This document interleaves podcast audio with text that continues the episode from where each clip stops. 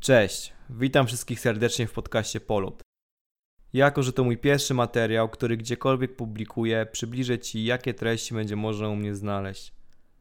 Kryminologia, psychologia i resocjalizacja są powiązane z kierunkiem moich studiów, być może też przyszłym zawodem. Hobbystycznie interesują mnie tematy religii, kosmosu i kinematografia w różnej postaci. Nie wykluczam w przyszłości udziału gości w polocie, tak jak nie wykluczam tego, że będę komentować bieżące sprawy w internecie czy na świecie, ale dodając jednak parę słów z dziedzin, w których się obracam. Wiem, że na początku mogę brzmieć troszeczkę jak robot, który próbuje na siłę być poważny, ale jest to mój pierwszy materiał w internecie kiedykolwiek i mam nadzieję, że po prostu w miarę tworzenia nabiorę troszeczkę doświadczenia i z każdym podcastem będę brzmieć coraz lepiej. Ostatnio zacząłem się zastanawiać, jaką rolę odgrywa kłamstwo w naszych życiach. Wpadło mi to do głowy, kiedy czytałem o człowieku, którego świat zna jako Carlos Kaiser. Był on w cudzysłowie piłkarzem, który należał do znaczących klubów, a nawet nie potrafił grać w piłkę. Można powiedzieć, że przeżył swoje najlepsze lata nie grając w piłkę, a grając piłkarza. Dalej, zainteresował mnie temat Wiktora Lustiga. Sprzedawał on pudełka drukujące pieniądze. Już tłumaczę, w jaki sposób działały te pudełka. Lustig przedstawiał maszynkę drukującą co 6 godzin banknot o wartości 100 dolarów. Taka skrzyneczka u niego 30 tysięcy dolarów można sobie kupić. Do maszynki wkładał dwa banknoty 100 dolarowe, a po wydrukowaniu pierwszego razem z potencjalnym klientem szli do banku i sprawdzali autentyczność banknotu. Podczas gdy drugi był już w druku, Lustig się zawijał. Po 6 godzinach wychodził kolejny banknot, ale trzeciego już nie będzie. Za 200 dolarów Lustig kupił sobie 12 godzin czasu na ulotnienie. Opanował sztukę kłamstwa i oszustwa w takiej skali, że potrafił sprzedać wieżę Eiffla, a w sądzie wymigiwał się 40 razy. Jednak opowiedziałem o nich tak tytułem wstępu, bo informacje możecie łatwo znaleźć w internecie, jest dużo materiałów na YouTubie czy artykułów. Jeżeli ktoś chce, może się w to zagłębić. Jeżeli też byście chcieli i będzie jakiś odzew, mogę przygotować podcasty o tych osobach. Wspomniałem o tych osobach, bo często, kiedy wspominam o ludziach tego pokroju, o ich historiach, słyszę opinię, ale kozak, nieźle ich zrobił i tym podobne. Kiedy jednak spotkamy się w teraźniejszości, patrząc na influencerki i influencerów sprzedających rzeczy z AliExpress, kłamiąc, że są od projektantów czy tworzone ręcznie, spada na nich fala krytyki. Ludzie kłamią, udając miłość dla korzyści. Dla wybicia się w mediach. W samej telewizji widać, jak telezakupy chcą ci sprzedać, nie wiem, patelnię z funkcją samoistnego obracania naleśników, smażenia bez tłuszczu, powłoka zrobiona z tytanu i miedzi i dostajesz patelnię, a rączka ci odpada. Albo noże, które ostrzył okazaki, a ci jest tępi pomidor. Historie, które wydarzyły się w innych czasach, często traktujemy jako opowiadania pobłażliwie.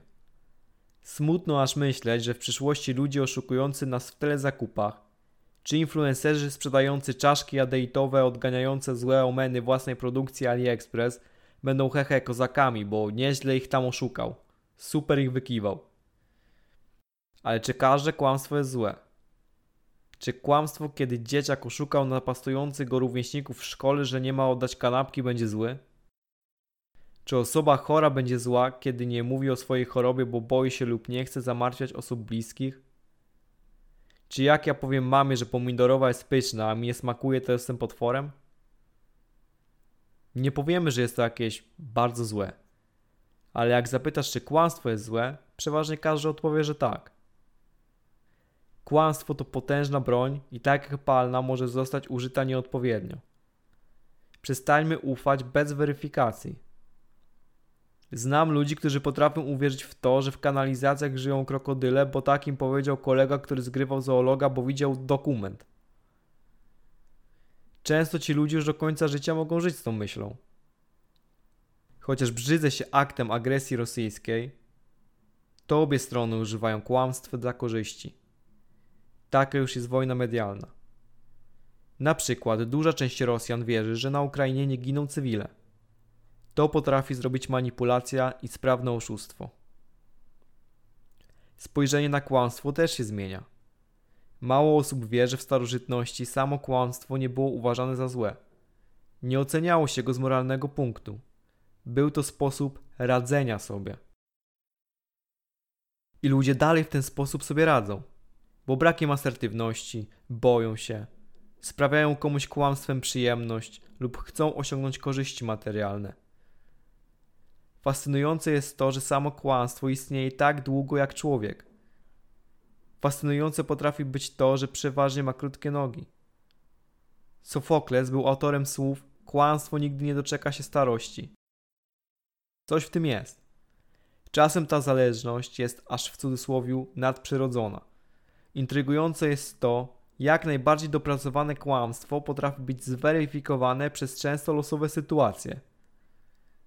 Taki bumerang. Im mocniej rzucisz, tym dalej poleci. Ale wróci. I ja nie mówię, że każde kłamstwo wychodzi. Że nie ma kłamstwa idealnego. Wiemy, że coś było kłamstwem tylko dlatego, że prawda wyszła na jaw. Więc czego nie wiemy? Albo co myślimy, że wiemy, a jest to kłamstwem? Czasem kłamstwo tak zasadzi się w umyśle, że prawda pokazana przed oczyma go nie wykorzeni. Babcia, która ogląda telewizję, uwierzy w kłamstwa, bo przecież, no jak to, tak kłamać w telewizji? To leci w telewizji, to musi być prawda. Tysiąc razy powtórzone kłamstwo staje się prawdą i wydaje mi się, że te słowa trafnie opisują tą zależność. Prawda jest taka, że ludziom z autorytetem łatwiej w te kłamstwo uwierzyć. Tak mordercy manipulują ofiary, tak politycy kierują ludźmi i tak złodzieje okradają. Dam przykład ze swojego życia. Jako, że jestem studentem zaocznym, chodzę do pracy. Była taka sytuacja, że przyszedł do mnie gość. Mówi: Proszę, jakbyś mógł zrobić to i to teraz. Dzwoniłem do twojego przełożonego, dogadałem się z nim. Okej, okay, mówię. Ale coś mi nie pasowało. Mówię, zadzwonię do kierownika, zapytam się o co chodzi. Gość nawet nie dzwonił. Po prostu chciał, żebym mu coś zrobił za plecami, więc mnie zmanipulował. Dla własnych korzyści. I gdybym nie zadzwonił, zrobiłbym to. Straciłbym swój czas i energię na coś, czego robić nie muszę. I to nawet nie o to chodzi, że miałem problem to zrobić. Ale ktoś mnie okłamał. W tym akurat przypadku uratowała mnie intuicja. Ale gdy wróciłem do domu, pomyślałem: Ej, ja chcę być odporny na takie rzeczy. Chciałbym wiedzieć, kiedy ktoś mnie kłamie. No więc zacząłem czytać o tym, ale ciężko jest zobaczyć, czy ktoś akurat popatrzył w lewo czy w prawo, czy wzruszył ramionami, czy nie. Mój prywatny sposób, który u mnie się sprawdza, to zadawanie trzech pytań. Na przykład analogicznie do tej sytuacji, co mówiłem przed chwilą. Teraz bym zapytał, o której dzwonił szef, co powiedział szef, jak odebrał, dla kogo ma być zrobiona usługa. I tu masz przewagę. Z początku, jak ktoś przyszedł z bomby, trudno wychwycić reakcję od razu. Teraz zadałeś pytania i jesteś przygotowany, możesz się skupić na reakcjach. Jeżeli zawiesza się w odpowiedzi, drapie się, ucieka wzrokiem albo powtarza Twoje pytanie, żeby kupić sobie trochę czasu, coś jak o której dzwonił szef? E, o której dzwonił szef? A, 11.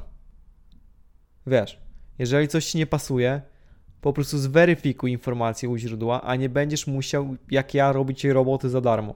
Naprawdę, póki co to chyba praca to największe środowisko, w którym skumulowane jest jakieś kłamstwo dla korzyści.